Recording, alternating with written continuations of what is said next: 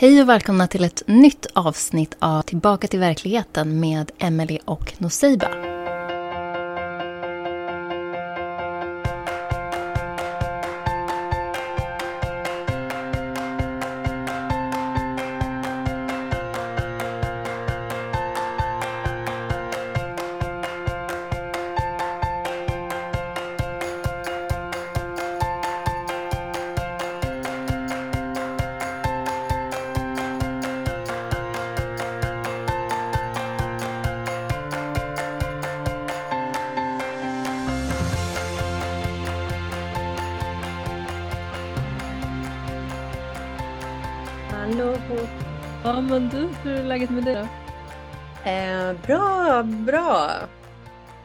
Lite, alltså jag tycker att livet är lite, vad säger man, ansträngande ibland. Eller kräver lite av en. Vilket jag tror att det är normalt.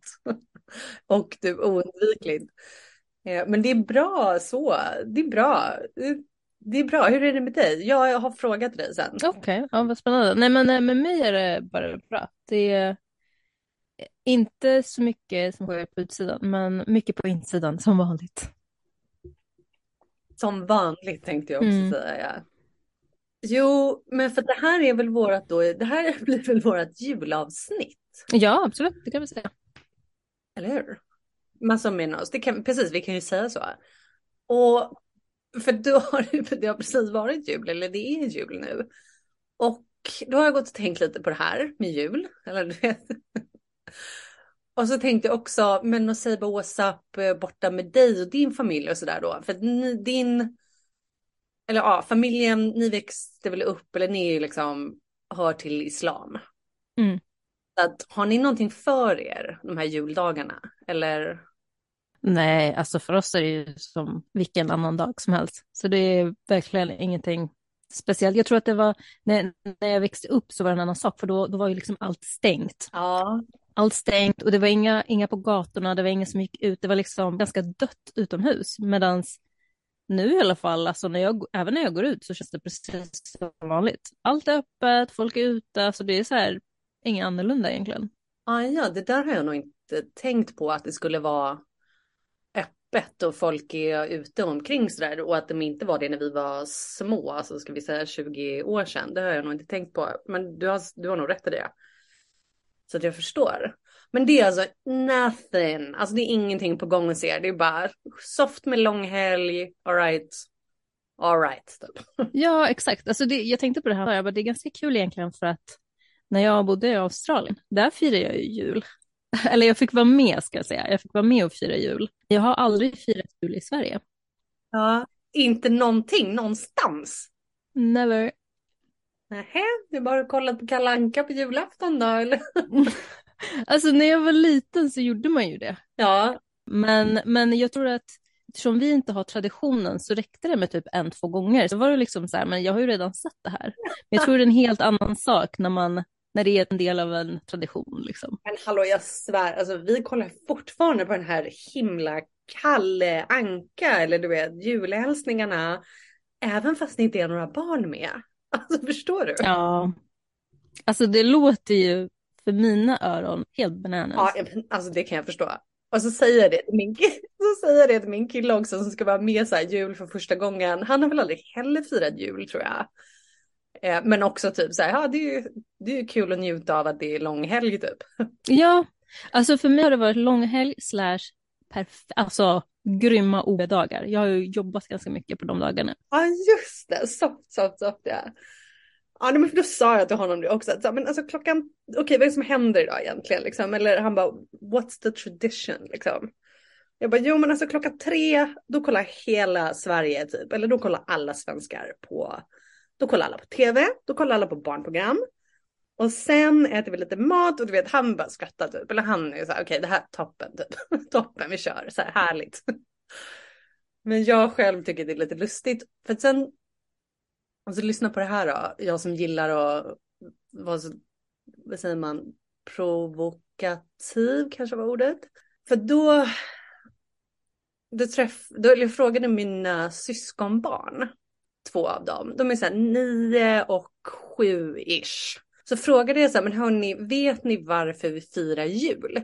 För jag var lite nyfiken på typ vad de säger i skolan.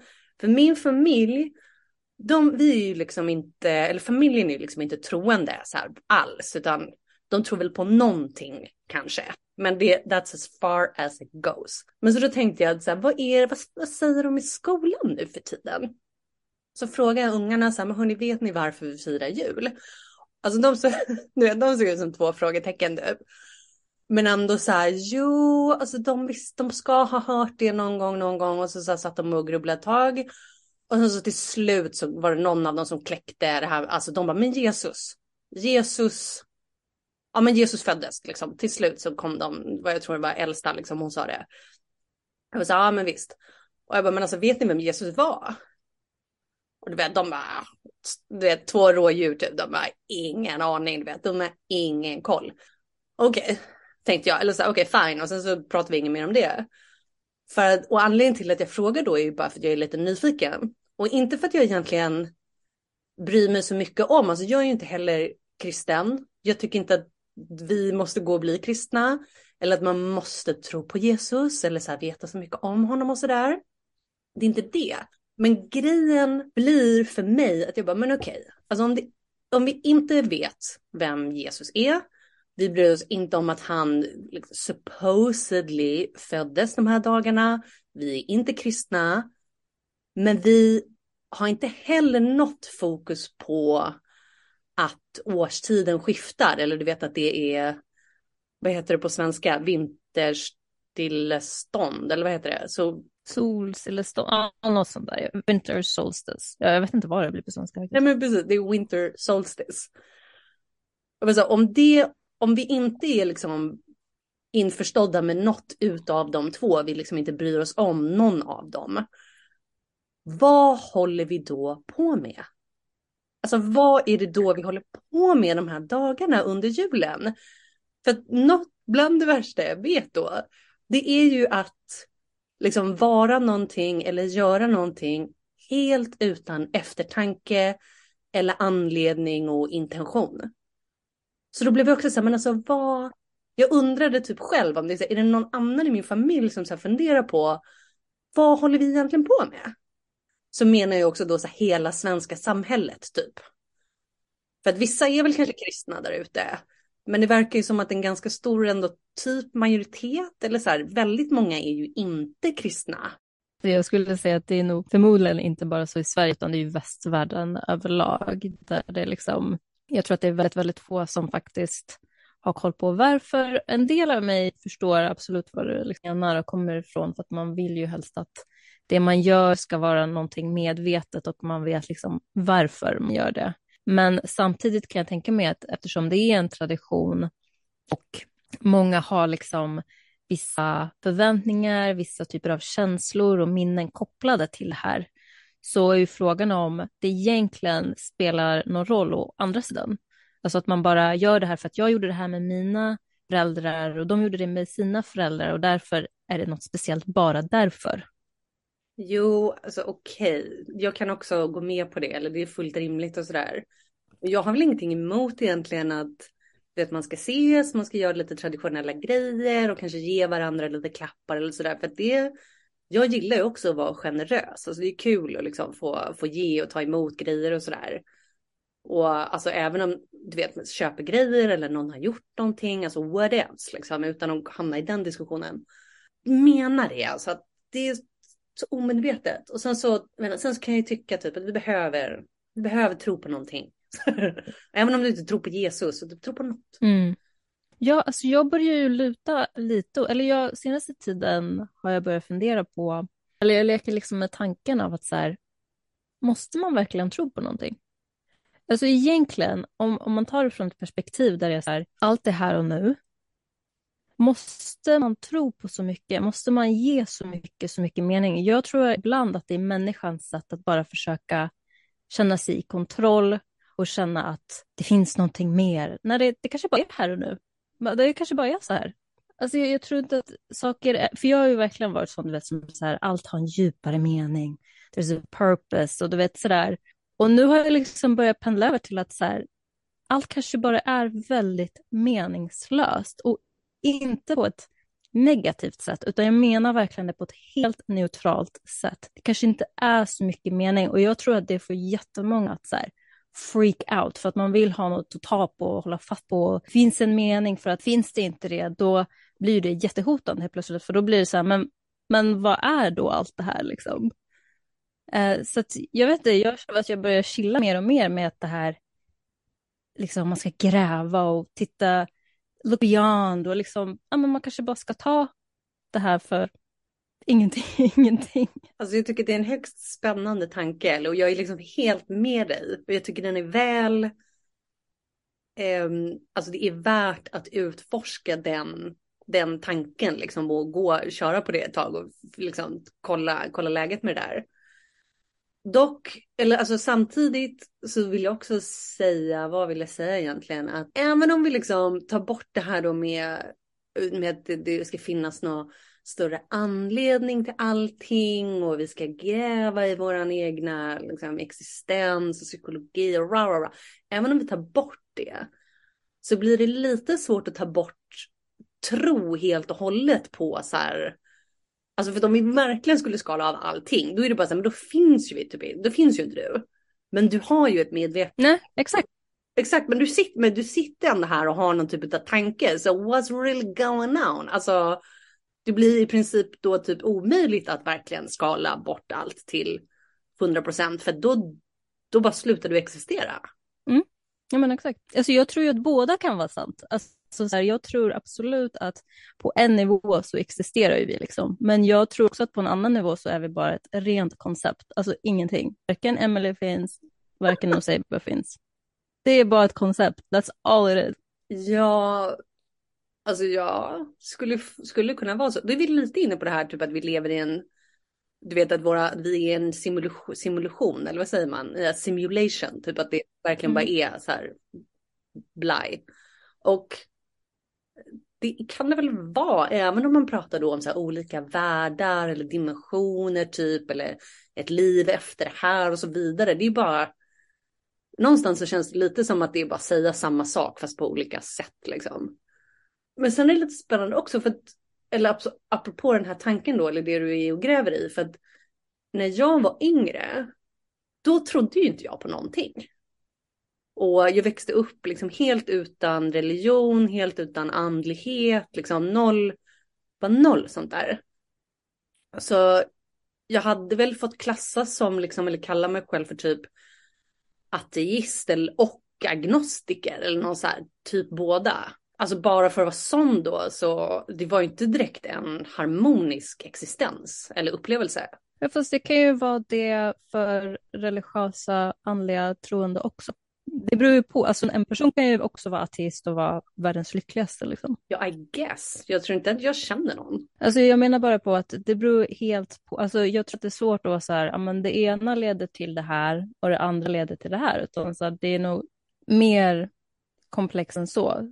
Och sen så tänker jag också att jag tror, vi säger, vi säger att det är så, vi säger att det är så att om man har en tro, att det liksom är lättare och för, för det är det jag tror det är. Jag tror att för många som vänder sig till religion, det är en enorm tröst i den här uh, egots skräck av att så här, jag existerar inte. Utan då, då är det mycket lättare att jo men det gör jag och det finns något större här som skyddar mig dessutom. Ja, jo men alltså jo, jo, jag är, jag är med dig. Jag är med dig. Fast du, så om, du tror, om du vänder dig till Gud, du har ju ändå någon tro någonstans att även om jobbiga saker händer, att he's got your back eller det finns en poäng med det, det, finns, det kommer leda till någonting. Alltså många använder ju Gud på det sättet. Att det är lite så här, även om man går igenom svåra saker så är det så här, men du vet ju vad som är bäst för mig. Eller? Ja, jo men det har du nog en poäng i. Eller har du en poäng i? För då, vi, då kommer vi in lite på det som vi nog har pratat om förut, alltså vad gäller, vad gäller så traumahantering och traumabearbetning. Att ofta så är andligheten eller spiritualiteten, hitta Gud eller whatevs, liksom är, det är typ en stor del i läkningsprocessen. Och någonting som jag tyckte var så spännande när jag läste en av mina böcker här om dopamin och eh, om alla andra hormoner och sådär. Det var det här 12, eh, du vet, 12-stegsprogrammet för eh, ja, men missbrukare och bara missbrukare av alla olika grejer. För att någonting som vetenskapsmännen och medicinarna typ så här, det retade gallfeber på dem. Det var att det visade sig liksom att det var så många som hade lyckats liksom återhämta sig och hålla sig rena. Eh, även fast de hade misslyckats så här, hundratals gånger innan med alla andra olika behandlingar och terapier och liksom allt vad det nu var. Så var det inte förrän de hamnade i tolvstegsprocessen eh, eller alltså kretsarna som de liksom lyckades och de verkligen så här på riktigt, du vet, slog sig loss från sitt missbruk och bara mådde så himla bra. Och det var just för att i tolvstegsprogrammet så är en jättestor del av det handlar om just andlighet eller spiritualitet och Gud. Och vetenskapsmännen och sådär, de, de bara, du vet, så här, de blev asfrustrerade på det där för de kan inte mäta det. Så de kunde inte riktigt göra sin grej med den. Mm. Alltså jag, jag tänker ju direkt, alltså, jag blir inte förvånad, för jag tänker mig att när man börjar tro på någonting liksom större och djupare så kan jag tänka mig att det är inkluderat i det också att känna sig meningsfull. Alltså så här, jag är inte bara, speciellt om man kommer från ett håll där man har varit missbrukare och sår. Jag tror ju inte att missbruk bara kommer från ingenstans, liksom, utan oftast i alla fall så ligger det ju något typ av väldigt, väldigt djupt trauma och sen så bara är den där cykeln igång. Och om man då får, känner att det finns något stort där uppe som faktiskt bekräftar mig och att liksom jag har mening, jag är betydelsefull, eh, vilket kanske är någonting som har saknats helt i ens liv, så kan jag verkligen tänka mig att det boostar ens styrka och ens existens liksom passar in i ett större sammanhang när man har kommit från en plats där man har känt att jag är ingenting, så pass att jag ger mig in i det här missbruket, för det är ju ett sätt att överge sig själv. Och genom att hitta Gud så kanske man på något roundabout sätt känner att man, nu, har jag liksom, nu stöttar jag mig själv och jag har världens stöd liksom på min ja. sida. Sen var det någon sån där härlig, smart där ute. Det var nog Dr. David Hawkins igen som påpekade just angående missbruk då. För han var så här, du ska aldrig skämmas för att du typ har missbrukat droger eller alkohol eller någonting sånt. Han, han tycker snarare på att det är nästan eller så fullt förståeligt, rimligt och nästan ärofyllt. Liksom. För det folk gör, eller det folk vill uppnå, det är egentligen bara att må bättre. Och vara på en, an, alltså en annan nivå av eh, medvetande. Och att det är liksom, det är typ hederbart om det nu är ett ord. Bara det att eh, det är inte hållbart i längden och det har liksom en kickback. Vilket gör att även om du stundvis liksom når då den här nivån där, du, där din varelse liksom är bättre och så som du skulle vilja må egentligen så kan du aldrig stanna där eftersom att du har använt något så yttre medel för att komma dit. Men sen, ja, om vi då går igenom vår process och bla, la, la, la, la, typ hitta Gud, då kan vi helt plötsligt nå de där välmående stadierna eller nivåerna utan substanserna helt plötsligt. Liksom. Alltså jag har lite svårt att dra den parallellen ändå. Alltså jag, jag, tror absolut att Gud spelar en roll i det, men jag tänker mig att det som sker är inte bara att man mår bättre, utan det som sker är ju att man lär sig hantera negativa bättre och motgångarna bättre. Att det är där man utvecklas. Och det är där man liksom, till exempel om man känner att eh, ja, men nu går inte livet som jag har tänkt mig, ja, men då kan jag vända mig till Gud och stärkas istället för att ta fram vodkaflaskan till exempel. Alltså jag tänker bara att man accepterar liksom både och negativt. Ja, visst, alltså inte nödvändigtvis att det är så här, så länge du hittar Gud så är allting, då är allting fixat, typ inte så, men jag tyckte att jag gillar hans approach eller hans syn på, på missbruk liksom, eller beroende. Han var så här, det, det är så självklart att du aldrig ska skämmas. Det enda som du håller på med är ju att du bara vill vara och må bättre. Så här, det är ju helt beundransvärt. Jo, men jag skulle säga annars att det är väl lite spännande du och jag, eller hur? För du växte ju upp då med så här supermycket religion och så växte jag upp med ingen religion alls. Och då kan jag också tänka mig då att, alltså i mitt fall eller om man har, alltså någon annan som också är så här, inte hade någon så högre makt med sig eller att man inte trodde på någonting sånt. Att det kan vara liksom, åh vad skönt att typ hitta det när man blir äldre. Eller man bara, åh vilket, vilket stöd, vilken hjälp, vad bra det känns och sådär. Samtidigt som det känns ju också fullt rimligt då att om man har varit religiös eller växt upp med religion så, alltså som du sa, så här, livet kan ju vara lika keft ändå. Så till slutändan så bara, äh, vad ska jag med det här till typ? Eller det behövs ju inte, precis som du säger i princip. Ja, alltså grejen är typ att när jag eh, växte upp så var det ju väldigt mycket liksom snack om Gud och om, minst lika mycket om djävulen ska jag lägga till. Ja, just det. Och det som händer då när man växer upp så där är att, eller för mig, jag ska bara snacka för mig själv, var att jag kände mig liksom konstant iakttagen och bedömd i allt man gör. Mm. Och eh, det pågick ganska länge, inte bara barndom, tonår, men även i vuxen ålder, där det är så här, man är aldrig riktigt själv på gott och ont. Så att även om jag, så här, jag kunde befinna mig i situationer när jag rationellt sett var så här, jag gör ingenting fel. Men jag vet att religionen säger att det här är fel och då känns det som att jag gör ett fel, alltså det kan verkligen ta emot. Så att det är liksom någonting som blev väldigt begränsande, för det var så automatiskt att så här, vad som är rätt och fel och att man vet om, man lär sig verkligen, gör du fel, då är det här konsekvenserna och det är ju inga härliga konsekvenser kan jag säga.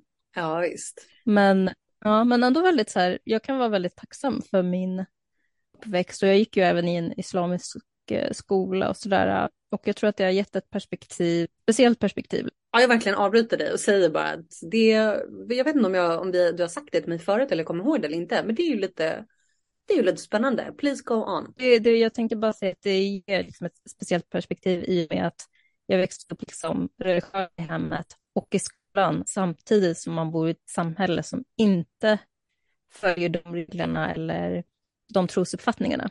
Så det blir ju väldigt så här, eh, dubbla signaler när man växer upp. Eh, samtidigt som kan jag känna att det är positivt för att man ser mer saker utifrån och man kan själv göra sin egen bedömning och man blir inte, tror jag i alla fall, man blir inte lika, man bara följer inte med saker för sakens skull. I och med att man har två perspektiv så kan man liksom sitta och jämföra och man är inte riktigt 100% inne i något av systemen utan man är ständigt utanför och blickar inåt. Jag vet inte om det makes sense men man är liksom aldrig del av någonting riktigt. Ja, eller hur? Den, den skulle man också kunna vara så här på gott och ont. Det att man så här, känner mig inte riktigt någonstans typ, åh, oh, är jag lite utanför eller är jag lite ensam eller eller är det som du säger så här positivt och lite tacksamt liksom att inte vara så men, låst.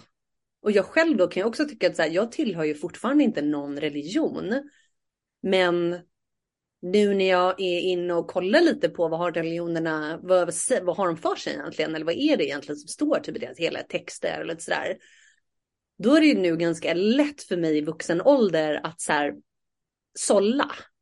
Att så här välja och vraka lite och vara så här, men kolla this makes perfect sense typ. Eller kolla det här har ju jag lärt mig fast helt oberoende från liksom, religion.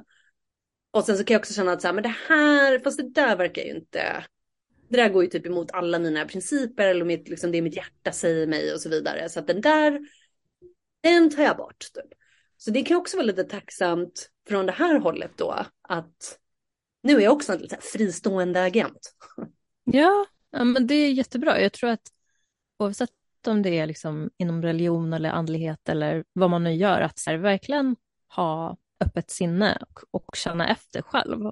Och jag tror också det gör att man har lättare för andras perspektiv. För man är så här, ja men det där passar väl dig, det här passar mig. Liksom. Man behöver inte, bara för att man tror på ena delen av Bibeln så måste man inte tro på andra delen. Liksom. Nej visst. Men det är spännande, alltså jag som är, alltså jag är ju lätt, på gott och ont, så här lätt besatt av eh, sanningen. Alltså jag vill veta hur det ligger till. Du vet, jag vill veta hur det ligger till med allt typ. Och eh, för, om man då är så, då har jag nog insett det att förr eller senare så måste man kolla på de etablerade religionerna. Bara för att om man inte ens tar med det perspektivet liksom i sina beräkningar eller sådär, då det är som en enorm blind spot liksom. Ja, det beror helt på. Alltså det beror helt på personen och vad man dras till och vad man inte dras till. Jo, jo. Men jag menar bara det att om du ska, alltså ta en, ta en detektiv till exempel, en, en polisman, kvinna någonstans. De måste ju utforska alla liksom, de måste ju kolla på allt. Ja, för när du tänker du på religioner över hela världen då, eller du tänker på de här tre huvudreligionerna då? Ja, alltså jag tänker nog lite på de tre huvudreligionerna, men också på det som är new age, alltså det som var innan de etablerade religionerna. De tre största menar jag liksom var, vad trodde folk förr? Eh, vad heter man, Ur, be, ursprungsbefolkningen, alltså du vet back in the day också innan vi hade liksom islam, judendomen och kristendomen, alltså det är kolla, kolla all of it och liksom den vetenskapliga biten. Men för det här tycker jag är lite lustigt enligt, eller lustigt men du vet när vi pratade om eh, the map of consciousness eller skalan av medvetande förra veckan. Eller om jag får gå tillbaka till den. För enligt de här analyserna då, mätningar och da, da, da, da, så frekvensen av 400, då är vi inne på liksom ett högre intellekt. Vi hittar typ modern medicin eller ayurveda, vetenskap, astrologi, så här komplexa stora system som alla liksom klickar i. Eller du vet, du vet som kugghjul, liksom, när en sak påverkar det ena som påverkar det andra och liksom komplexa system. Alla de hittar vi där på 400. Folk som vibrerar på 400, typ så här J.K. Rowling eller folk som så här vinner Nobelpriset och verkligen så här bidrar med någon stor uppfinning typ eller någon så stor tanke och så här. Och eh, då ska alltså det som är teologi, heter det så på svenska, alltså läran eller studierna om Gud, de vibrerar också där på 400. Vilket jag tycker blir så talande för att, alltså hur mycket typ religion då man kanske än eh, studerar eller man liksom pluggar på och sådär. Så är det fortfarande i det mentala. Och sen finns det nivåer bortom det där som liksom är högre. Förstår du? Man är så här, okej, okay, man bara okej, okay, jag kan så här, citera hela Koranen typ. Men det finns ändå någonting bortom det där. Mm. Ja, alltså det låter ju Eh, jag försökte inte fokusera så mycket på, på siffrorna för att jag tycker inte det, jag förstår att det är ett sätt att, att göra ett system liksom. Ja, det, är, det är liksom frekvensen av 400. Jag tycker att det, jag använder det, eller mitt, men, mitt intellekt gillar liksom att tänka i de banorna eller hänvisa till det just för att det, är, det gör det intellektuellt enklare att förstå sig på någonting. Men precis som du säger så finns det ju också någonting som är liksom beyond det där. Eller så här. Ja, ja precis. Det är ändå intressant att liksom höra och ta del av den typen av perspektiv som verkligen, för jag är ju inte en sifferperson, jag är mycket mer så här, känslodriven. Så att, eh, för mig är det så här, jag vet inte, jag tror bara siffror överlag inte gör så mycket. Men hur som så är det ju ändå intressant att kunna göra sådana kategoriseringar och, och uppdelningar. Men sen så förstår jag också att det blir ju en sak när man lär sig en, re, en religion, alltså jag tänker mig att folk som forskar på religion, de är ju oftast inte ens religiösa själva, så det är ju ett hel, det är en helt annan, en helt annan infallsvinkel på det, än om man skulle vara praktiserande. Ja, jo, jo. Jag hade två saker som jag skulle säga. Först så skulle jag säga att jag också har alltid haft så himla svårt för siffror och sådär. Alltså jag var sämst. Jag, var så, jag hade så svårt för matte när jag var yngre. Alltså det var så här katastrof, typ dåligt eller alltså jag hade dåligt självförtroende och sådär tack vare räkna matematik och da, da, da, da. Och jag skulle också, eller du vet, jag har ju förstått det sen att om vi får dra lite generella eller så stora penseldrag så är det ju många kvinnor som är sämre på matte. För att de har den eh, vänstra hjärnhalvan till, alltså den maskulina. De är mycket bättre på matte och vetenskap och fysik och kemi och mm. sådana där saker. Rent generellt. Medan vi är så känslostyrda och kan förstå oss på det där som inte riktigt syns, som inte är riktigt rationabelt. Mm. Alltså vi hamnar ju här hela tiden typ. Sen tror jag också att jag gick och du vet, omprogrammerade mig själv och skapade ganska ordentlig balans i mig själv och sådär. Så att nu kanske jag fortfarande inte är så bra på matte, men jag är bra på nummer ändå. Eller du vet, jag har, jag har lärt mig de här, eller jag vet inte, någonstans har jag hamnat i de här högre eller de här komplexa systemen har jag på något sätt lärt mig. eller du vet, ja, whatever. Jo, alltså jo, men apropå att studera religioner och sådär. Alltså jag såg en intervju häromdagen som jag tyckte var spännande. Eller liksom, det var, ja, det var spännande. Det var så höger, eller före detta högerextremist, nu kommer jag inte ihåg vad han heter, från eh, Nederländerna, från Holland. Och han var väl alltså uppvuxen protestant, kristen. Och så bestämde han sig för att han skulle skriva en anti-islam-bok. Så här någon gång efter 2010 där någonstans kanske skulle han skriva den här boken. Men i, i sina efterforskningar liksom så börjar, ja men du vet, för då börjar han kolla på alla de här grejerna och du vet, och i sina efterforskningar och i sina studier för att han ska skriva den här anti-islamboken så slutar det ju liksom med att han konverterar och är numera muslim. Mm. Jag tyckte att det var så härligt, eller du vet. Jag var så wow, toppen.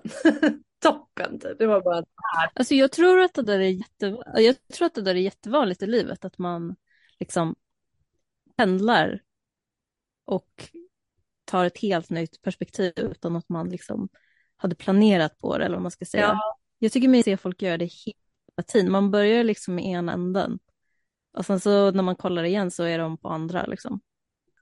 Och så kan man ju liksom gå in lite på det då. Samma sak när man är så här, hej alla djuren dör typ eller sådär. Eller att vissa kulturer försvinner och sådär.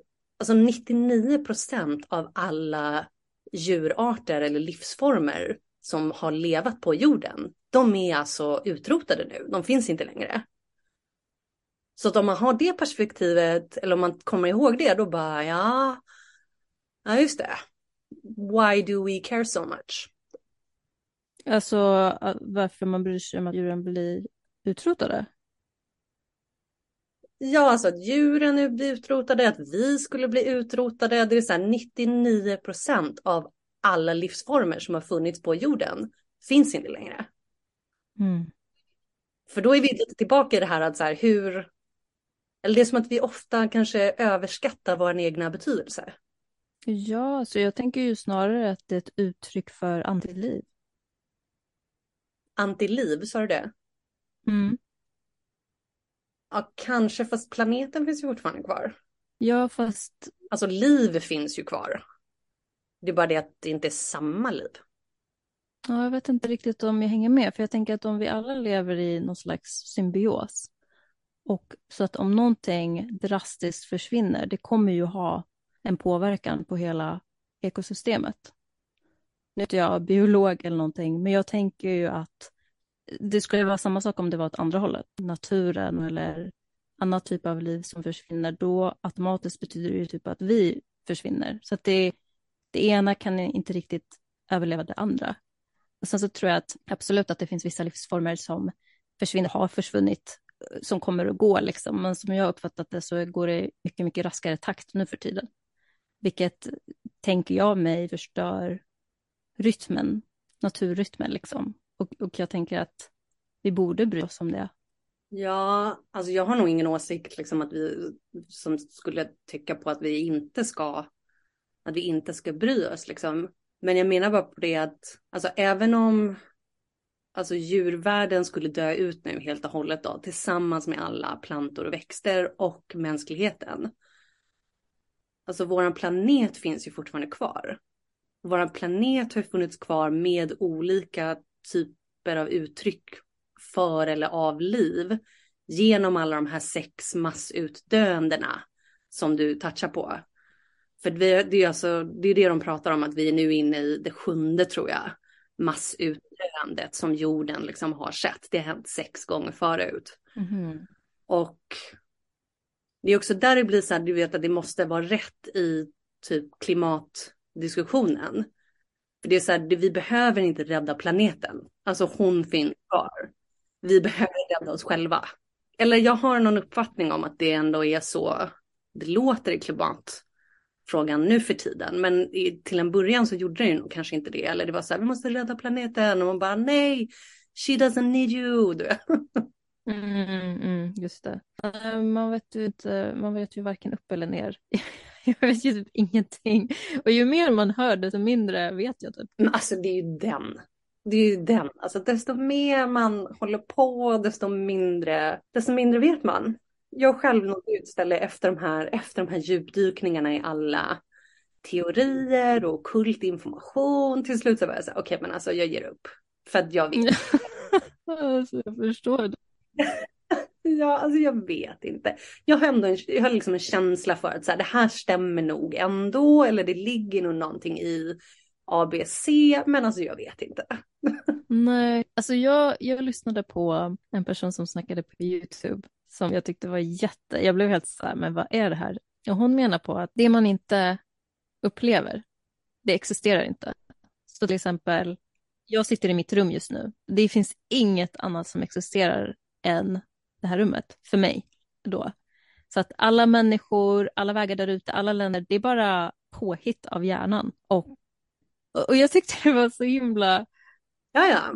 Jag vet inte, en del av mig var helt så här, ja det är väl så enkelt bara. Ja, men eller hur? Alltså, det är ju typ så enkelt. Man bara mind blown. Typ. Ja, alltså bokstavligt talat nästan. men alltså det är ju, något, det är ju sant liksom. Och det går ju på alltså, alla typ religioner eller alla så filosofer eller högre filosofi, whatever. Alla menar ju på det eller lär ut att alltså din, våran tillvaro typ, eller den är mental. Utan liksom, utan dina tankar då finns ingenting. Mm. Så jag kom, och det här kommer jag ihåg så väl också när jag var så här boohoo, jag typ saknade mitt ex. Eller tyckte att jag var så heartbroken och så här, jag vill träffa honom igen, aj aj aj. Det var också så här, men alltså det, ingen existerar förutom när du tänker på dem eller har dem precis framför dig. Alltså de finns inte ens. Och jag var så här, men alltså hjälp mig, alltså han finns inte ens. han finns inte ens. Ja, alltså jag tycker sådana tankar är så häftiga slash lite läskiga när man verkligen börjar så här, sätta sig in i det. Samma sak med så här, minnen. Vissa menar ju på att typ, om du bara tänker på när vi är liten, det, det existerar inte. Alltså det har aldrig funnits. Det är bara din hjärna som liksom hittar på en story som aldrig var där. Ja. Eller till exempel nu, jag ligger liksom halvt under en filt. Alltså jag har inga ben egentligen. Det är bara ren illusion att de ligger där. Jag bara antar det. För att det är så min hjärna processar liksom. Ja. Just det. det är, jag håller med om att det är alltså, lite scary, lite befriande och kul och så här. Men då, alltså, du vet, det är bara, det är bara ny, nytt territorium. Liksom. Eller det är så här, ny... Jag tror att många också kanske inte då gillar att vara där så mycket. Eller hur? Just för att det är lite läskigt och så här. Men också typ om man börjar skrapa liksom på det här. Då måste du ju också sen, du vet, typ anamma eller axla ett helt nytt ansvar för ditt liv. När vi verkligen så börjar inse våran mentala kraft. Ja, alltså som jag uppfattar det just nu, som sagt jag skiftar hela, hela tiden och jag leker med väldigt många olika tankar just nu, men, eller perspektiv. För som jag uppfattar det då, det är ju att då finns ju inte vi överhuvudtaget. Och det innebär att det är inte vi som gör något till att börja med. Det vill säga, vi tror ju att så här, det är jag som går, det är jag som fixar, jag, jag har gjort det här, jag har gjort det här. Men om det är bara en story, då innebär det ju att jag fanns inte till att börja med, vilket också betyder att jaget gör faktiskt absolut ingenting, det bara är. Ja, alltså du är ju typ i en psykedelisk tripp just nu, fast utan substanserna, eller hur? Ja, precis, exakt. Det är sånt här folk, ja det är sånt här folk går igenom, eller typ vi säger att du är lite inne i det här, du börjar skifta hela tiden, du håller på så här i flera veckor eller månader. Typ. Människor upplever ju det här typ, i sina psykologiska, eller vad heter det, ja men alltså i sina transer liksom, upplever allt det här fast på typ tre timmar du vet. Och sen så är de nyttfödda typ. Ja, alltså, och jag vet du, jag tror att det är därför jag alltid hållit mig borta från sånt. För att jag, på någon nivå har jag vet att det här kommer bara förändra allting. Och jag, jag har inte velat det. Liksom. You're a smart girl. Sen så, sen så blir det väl bara som det blir då för vissa. Men jag skulle ju rekommendera folk att göra din grej och inte min. för det är så psykiskt påfrestande. Mm. Men, men testade du, om jag får fråga, du behöver inte svara om du inte vill, men har, har du testat någonting där din perception, liksom, alltså inte hallucinationer och sånt där, utan där din perception på hela din existens bara förändrades? Jo, men det hände nog. Det hände nog första gången, för jag drack ayahuasca ett par stycken gånger.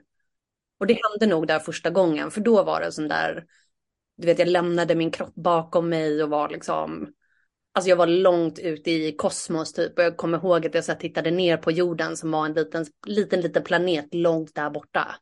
Och jag var i princip så här där, där jag kom ifrån typ. Ja, alltså den, dag, den dagen efter, då kommer jag ihåg att jag tittade mig själv i spegeln och bara, alltså vem är du där inne egentligen? Vad är det här? Så då, det var nog en sån upplevelse. Annars, nej. Det kanske behövdes en gång. Ja, jo men jag tror att det är liksom, det, det, liksom, jag tror också det, att så här, det behövdes bara en gång. Och sen har jag väl varit med om någon annan gång att det är lite som att så här, man bara, men hej, det känns som att väggarna liksom rör på sig, typ som när man ser så här, ringa på vattnet typ. Mm -hmm. mm. Sånt där, man bara, hej, min omvärld liksom ja, gungar eller vibrerar sådär och har en puls typ. Så här. Lite, men lite sådana lättare grejer. Eller typ Myrornas krig, vet. det känns så när man tittar. Ja, jättemycket den ja. Och det, men det händer nog utan, det händer nog utan substanser och sådär också för folk. Eller hur? Att man bara är, man bara är något. Ja, ska vi avrunda för idag då? Jag tror det. Alltså det blir mer, alltså det blir mer och mer så här flumfilosofiskt mellan oss känner jag.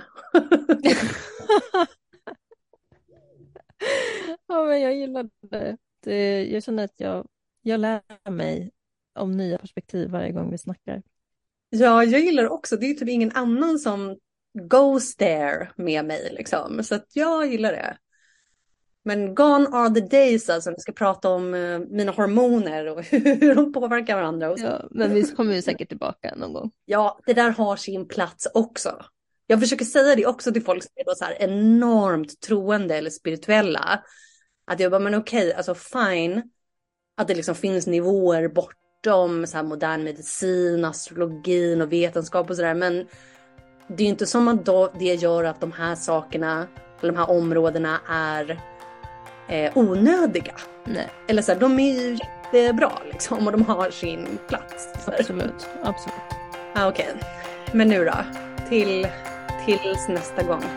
Till nästa gång. Eh, tack så mycket, hej.